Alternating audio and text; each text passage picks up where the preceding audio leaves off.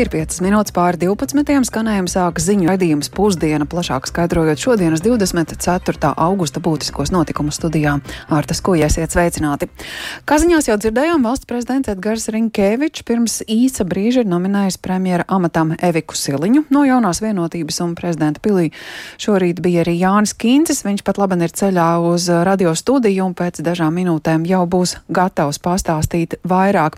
Bet pasaules uzmanības centrā arī vakar notika notikusi lidmašīnas avārija. Daudz un dažādas versijas tiek apspriestas saistībā ar avio katastrofu, kurā varētu būt nogalināts Krievijas algotņu grupējuma Wagner vadītājs Jevgeņijs Prigožins, taču visbiežāk izskan minējums, ka aiz uh, viņa iespējamās bojājas stāv Krievijas prezidents Vladimirs Putins, kurš esot atriebies par Prigožina jūnijā sarīkoto bruņoto dumpi. Pēc notikušā neskaidra ir arī grupējuma Wagner nākotne, bet, lai mēģinātu saprast, kas tad ir noticis un kāda būs notikušās sekas. Tiešraidē esam sazinājušies ar kolēģi Uldi Česberi. Labdien, Uldi! Kādas ir līdz šim izskanējušās versijas par to, kas izraisīja Prigožina privātās lidmašīnas avāriju? Jā, labdien, Arta, labrīt, labdien, Latvijas radio klausītāji. Krievijas varas iestādes līdz šim ir pateikušas tikai to, ka ir avarējis pie Gožinam piedarošais lidaparāts un visi desmit tajā esošie cilvēki ir gājuši bojā, bet Krievijas federālā aviācijas pārbalde, pārvalde publicēja sarakstu ar personām, kas it kā esot atradušās šajā lidmašīnā, un šo cilvēku vidū bija minēts Prigožins, kā arī grupējuma Wagner militārais komandieris Dmitrijs Utkins, taču neviena oficiālā Krievijas iestāde iestāde pagaidām nav apstiprinājusi Prigožina nāvis faktu. Krievijas izmeklēšanas komiteja saistībā ar avio katastrofu ir ierosinājusi kriminālu lietu par satiksmes drošības, um, gaisa satiksmes drošības un gaisa transporta darbības noteikumu pārkāpšanu.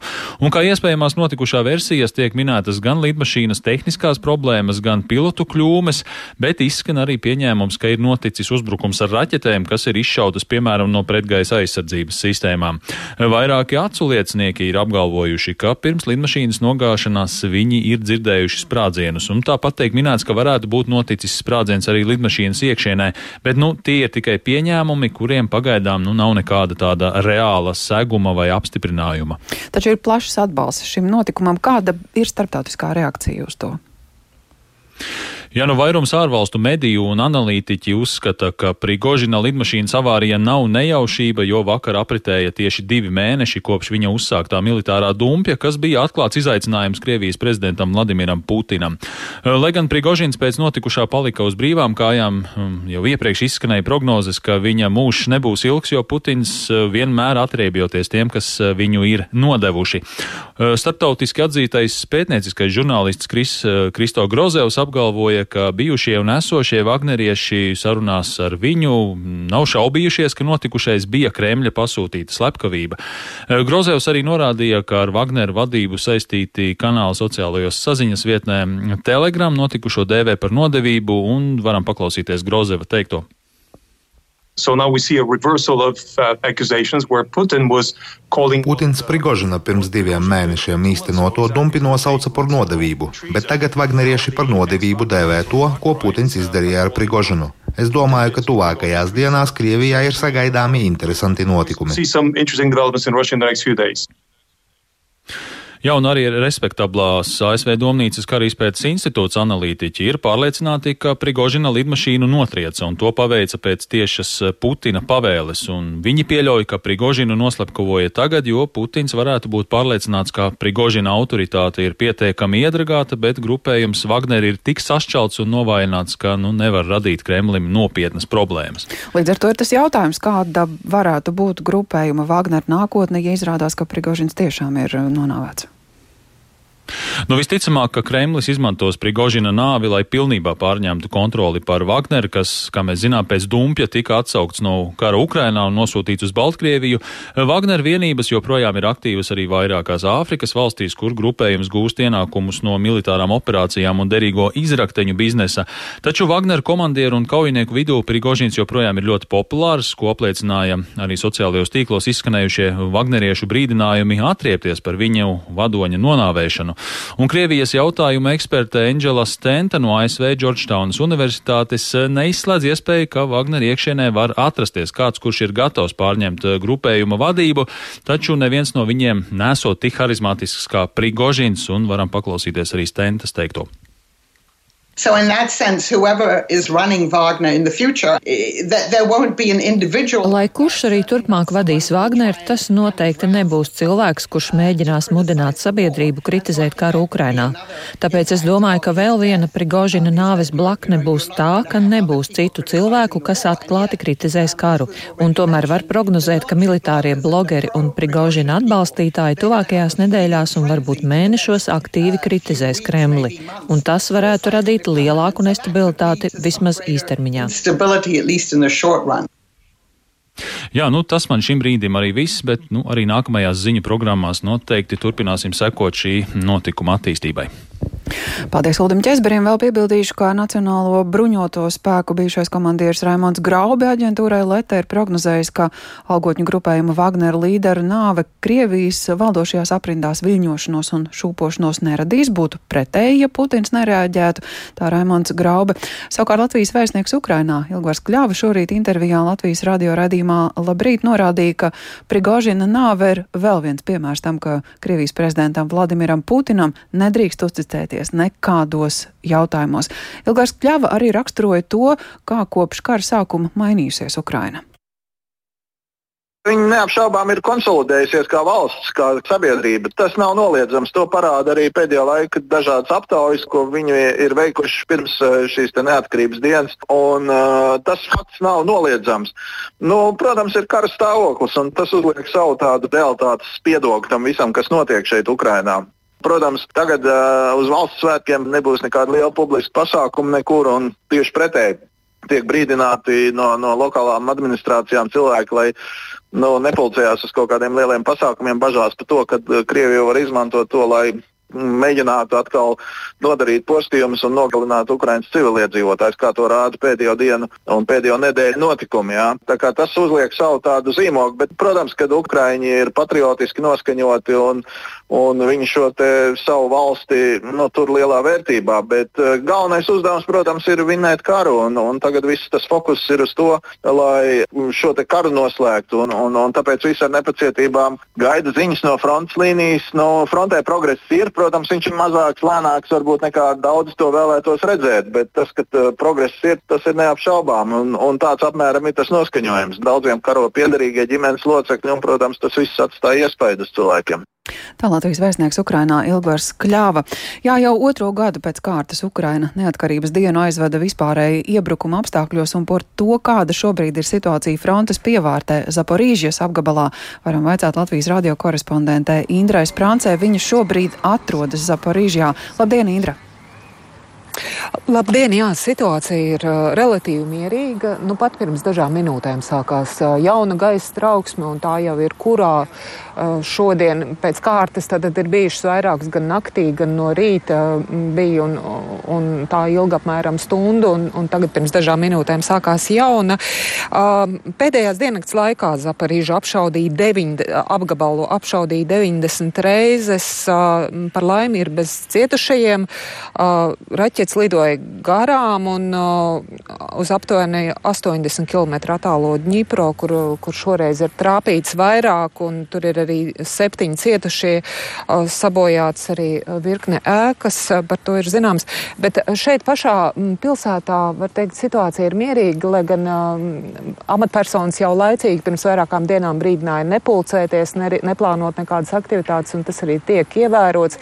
Vienlaikus uh, visi ļoti piesardzīgi mm, uzvedās un, un sagaida, ka patiešām arī šodien varētu būt mēģinājumi uh, trāpīt pilsētai. Tāpēc, um, Visi dienesti ir gatavībā, lai sniegtu iespējamo palīdzību. Un, un, kā norāda amatpersonas, diemžēl šādā stresa situācijā pilsēta strādā jau ilgāku laiku, kopš vispārējā iebrukuma sākuma jau pusotru gadu faktiski ir ļoti mobilizējušies, lai sniegtu palīdzību un arī palīdzētu gan saviem pilsētas iedzīvotājiem, gan arī ļoti daudziem bēgļiem, kas Zapariži ir pirmais tāds lielākais palīdzības punkts cilvēkiem, kas, kas, kuriem izdevās pamest okupētās teritorijas.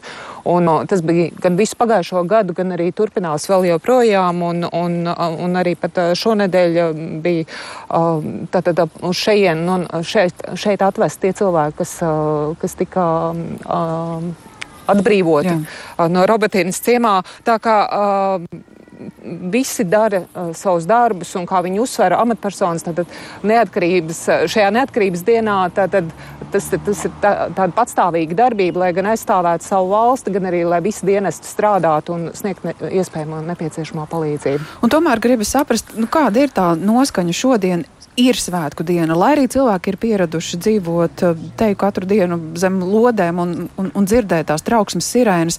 Nu, ir kaut nedaudz tā svētku noskaņa. Cilvēki mājās, ģimenes lokā to brīdi atcerēsies un, un kā atzīmēs.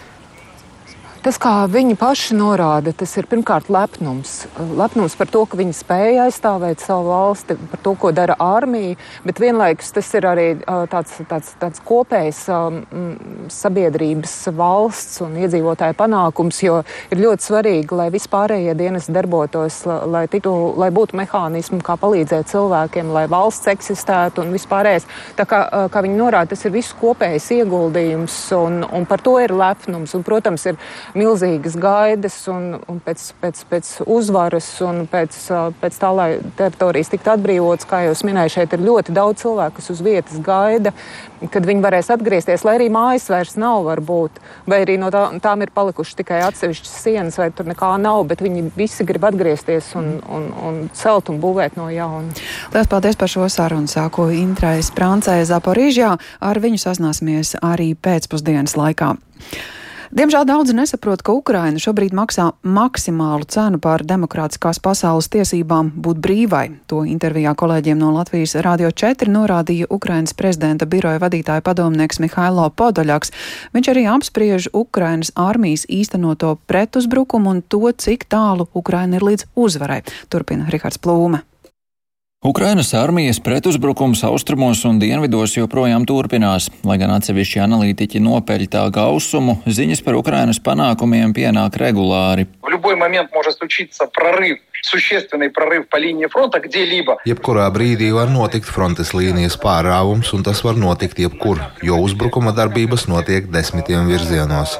Krievijas fronte var salūst, Kad esi pārvarējis mīnu laukus, pirmā un otrā ešalona inženierbūves, tad tālāk operatīvā telpa izskatās pavisam citādāk, un arī karš izskatīsies pilnīgi citādāk. Un tad mēs varēsim runāt par uzbrukuma finālu.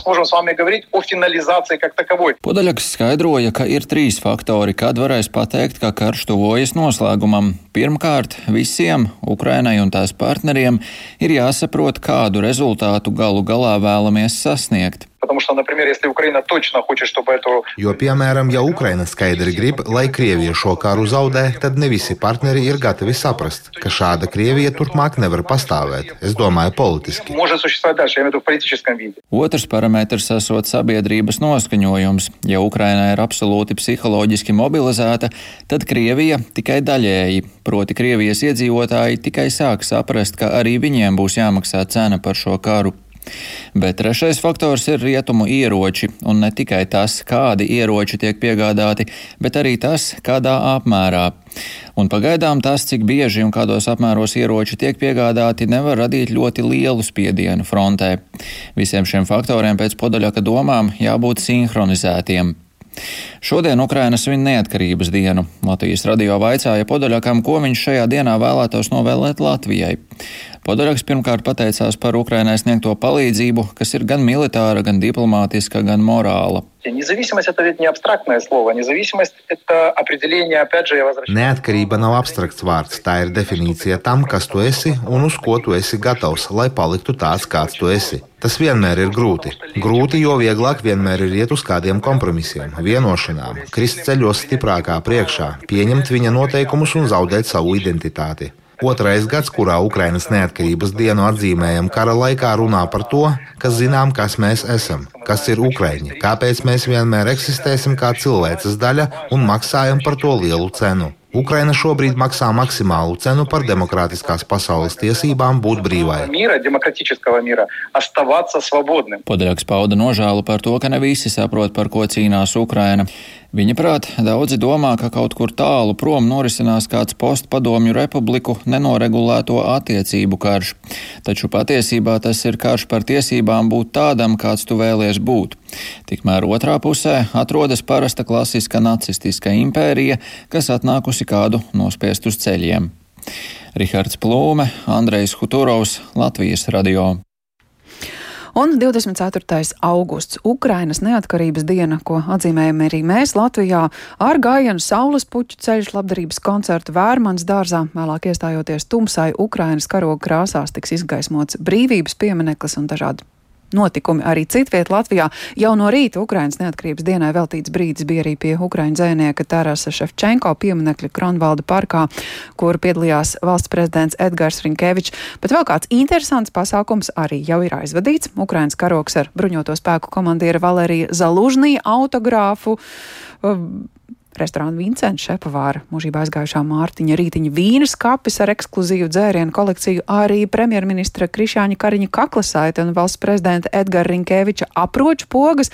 Tie ir tikai daži ziedojumi, ko izsolīja par godu Ukrainas neatkarības dienai organizētajās labdarības brokastīs, no kurām tikko atnākusi arī kolēģi Ieva Puķa, kas pievienojas mums studijā un uh, gatava arī izstāstīt, uh, cik plašs bijis šis notikums. Labdien! Jā, labdien, Arta! Labdien, radio! Radio klausītāji. Um, Tā tad izsola organizēja Ukrainas vēstniecība Latvijā. Tā bija vēstnieka iniciatīva uh, kopā ar organizāciju Agendum, eh, kas pazīstam arī kā Twitter konvojs, eh, un jau pati ieejas biļete eh, viesnīcas Radisson Blue Latvijas skaibārā 150 eiro bija ziedojums. Solītāji bija vairāk desmit cilvēki. Man teica, ka bārietilpība ir mm, aptuveni 50, un tur bija arī brokastu galds, bet neviens šeit īsti nebija nācis, lai ēstu.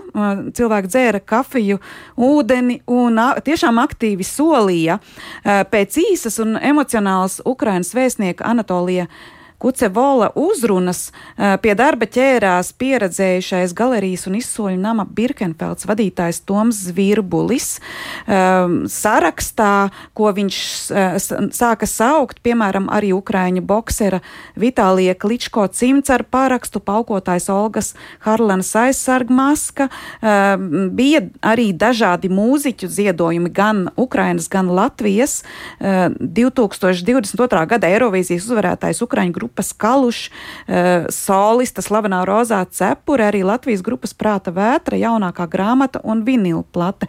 Uh, lai ziņotu šo jums, es gan aizgāju prom pirms izsoles beigām, tāpēc par rezultātu dzirdēsiet raidījumā pēcpusdienā, bet manā klātbūtnē lielākās summas tika veltītas akustiskajai sistēmai, kas būvēta no Javelin raķetes. Tā tika nosol, nosolīta, korpus ir no šīs raķetes, um, iekšā ir pavisam moderna sistēma par 13,500 eiro. Un uh, Mārtiņa Rītiņa vīnas kapis, Jā. uh, ko uh, labdarībai uh, Ukrainas vēstniecībai bija nodevuši viņa brāļi, uh, tika nosolīts par 14,000 eiro. Uh, Ukrainas karogu Eh, kura vērtību eh, nevar mērīt naudas izteiksmē, bet eh, izsoles vadītājs teica, ka šādi karogi labdarības pasākumos ir solīti pat par miljonos. Jā. Latvijā nosolīja par 8000 eiro. Es piegāju pie lielākās lotes licēja rītiņa vīna mm, kolekcijas nosolītāja, un tas izrādījās uzņēmējs Andris Ramoliņš. Viņš teica, ka šo vīnu dzers pēc Ukrainas uzvaras. Bet pats svarīgākais, kur nonāks šie līdzekļi, kas būs mērāmi, iespējams pat uh, simtos tūkstošos. Mēs redzēsim, Noteikti, jā, jo. jā uh, to man pastāstīja Reinis Pozņaks, ko mēs saucam par Twitter konvoju tēvu. Uh, klausāmies sarunu ar viņu. Jums jau ir skaidrs plāns, kur aizies šie līdzekļi, kādas ir prioritātes? Mums šajā ziņā viss ir absolūti vienkārši, nemainīgi un, un, un saprotami. Mēs gādājam uz Ukraiņu mašīnas, lai viņas tur aizbrauktu. Viņas vajag salabot. Un viņiem vajadzīgs daudz degvielas, un tas arī ir tas, kur tie līdzekļi iet. Bet ir kaut kāds plānots īpašs pirkums? Nē, nav plānots īpašs eh, pirkums, jo saku, vis, vislielākie izdevumi. Katru mēnesi ir apmēram 10 tonnas degvielas. Mums ir nepieciešams, lai šīs mašīnas aizbrauktu līdz Ukrajinai. Tā kā diezgan daudz, daudz naudas, pārdesmit tūkstoši eiro. Un arī remontos nu, gandrīz tikpat aiziet. Tā tad tagad jau ir zināms, ka izsolē tika savākti 72 tūkstoši uh, eiro. Reinis Pozņaks arī informēja, ka automašīnas iedošana Ukrainas, Ukrainas frontei joprojām turpinās, aktivitāte nav atslābusi. Līdz šim Twitter konvojs Ukrainā nogādājis 1689 auto, un rīt jau ceļā dodas kārtējs konvojs. Uh, pēc šī kopējais skaits pārsniegs 1700. Lūk, tā par Ukrainas neatkarības dienai veltīto labdarības izsoli un tās rezultātiem Ieva Puķa, bet uh, šobrīd studijā klāt arī Jānis Kincis. Um, ātrs ceļš no prezidenta pils, kur šodien notika tas, kas bija gaidīts, prognozēts? Tas bija gaidāmi un prognozējami, jā, jo valsts prezidents tā tad ir nominējis premjeramatam vienīgo šo, šo amatu izvirzīto kandidātu Ieviku Siliņu no jaunās vienotības. Un, jā, līdz ar to viņi arī jau rītdien, jau piekdien sāks sarunas ar potenciāliem koalīcijas partneriem. Nu, lūk, un valsts prezidents nominējot premjeramatam līdzinējo labklājības ministru Ieviku Siliņu pauda pārliecību, ka viņa spēs sarunas par koalīcijas izveidi īstenot pietiekami īsā laika posmā, un uh, gan šonadēļ, gan arī iepriekš neformālās konsultācijās viņš ir guvis pārliecību, ka Siliņai ir labas iespējas izveidot iespējami plašāku ministru kabinetu un gūt tam atbalstu parlamentā. Evika Siliņa uzsvēra, ka šajā procesā daļa no uh, būtiskiem atskaites momentiem būs arī valsts prezidenta nosauktais mērķis līdz 2030. gadam Latvijā panākt vidējo Eiropas Savienības valstu labklājības līmeni, un lai uz to virzītos būtiska loma uzlabojumiem izglītībā, ekonomikā, arī valsts drošībā un citos jautājumos. Un par pašu valdības izveidas procesu un koalīcijas tātad eh, meklējumiem viņa pauda pārliecību, ka daudz sarunu jau ir notikušas, tāpēc nav laika un arī nepieciešamības šo procesu vilkt garumā, un prezidenta nosauktajā termiņā līdz septembra vidum būtu iespējams virzīt balsojumam saimā jauno valdības modeli. Lūk, Evika Siliņas teiktais. Es ļoti negribētu, lai mēs pavadām garās sarunās līdz budžeta veidošanai atlikušo termiņu, jo mēs patiešām vasarā esam tikušies, esam konsultējušies. Principā ar visām šīm partijām, tā nekas tāds būtiski jauns nevarētu arī parādīties. Un es rīt jau plānoju uzsākt šīs sarunas. Skaidrs, ka budžets 2024. gadam ir viena no prioritātēm, kas ir šī gada neatliekamajos darbos, tad, protams, mums būtu jāveicina, lai mēs tiktu pie normāla budžeta, nevis tehniskā budžeta. Un, nu, budžetam līdz 15. oktobrim būtu jānonāk saimā. Tas arī ir datums, kas noteikti uzliks savu tempu arī pārējiem partneriem, izšķirties, vai viņi ir gatavi nākt strādāt koalīcijā vai nē. Un kādā modelī strādāt? Tas ir tas jautājums, kādā modelī rīt sāksies konsultācijas. Nu, tā rītdienas sarunas noteikti, tad viņa Evika Siliņa aicinās pa vienam Zaļo zemnieku savienības apvienotā saraksta Nacionālās apvienības un progresīvo pārstāvis, un pēc tam jau sarunas notikšot plašākā lokā. Un par tiem modeļiem, nu, tad. Viņi atzina, jā, ka šis piecu partiju modelis koalīcijā ir maz ticams, un līdz ar to ir, viņa visrealistiskāk skatās uz kādu no četru politisko spēku pārstāvētiem koalīcijas modeļiem. Tātad jaunā vienotība, apvienotais saraksts, Zaļo zemnieku savienība un tad vai nu progresīvie vai Nacionālā apvienība. Bet nu, to parādīs jau tuvojošās sarunas. Un par sarunu progresu valsts prezidents jau nākamā trešdiena arī atkārtoti iztaujās premjeramata kandidātu Eviku Siliņu, kā teikt, turēs roku uz pulsa šim procesam. Tātad eh, tās valdības veidošanas konsultācijas sākas ierastajā ritmā. Nevis atkal visi tie, kas pie viena galda, bet Evika Siliņa runās ar katru politisko spēku atsevišķi. Vispirms individuāli un tad jau plašākos pulciņos. Paldies! Tā Jānis Kīns atgriezies no prezidenta pils, kurš šodien valsts prezidents Edgars Rinkevičs, kā iepriekš jau tika prognozēts, valdības veidošanu uzticējis jaunās vienotības virzītāja premjerministra amata kandidātei Evikai Siliņai, kura rīt gatavojas sākt konsultācijas ar visiem politiskajiem spēkiem, lai jau nākam nedēļ tās vidū valsts prezidentam varētu vēstīt, kā šīs darbs veicas uz priekšu. Ziņa, kas šodien mūs ir sasniegusi arī Ukrainā tik svarīgajā Ukrainas neatkarības dienā. Bet uh, pusdienas programmas uh, temati šim brīdim ir izsmelti. Radījuma producente Ilza Agīnta ieraksts montē Krišjāns Stikāns par labskaņu rūpējās Rīta Kārnača. Ar jums sarunājās Arta Skuja. Atgādināšu, ka mm, raidījumu pusdienu varat klausīties arī sev ērtā laikā Latvijas radio mobilajā lietotnē par aktualitātēm, protams, arī pēcpusdienas laikā. Yeah.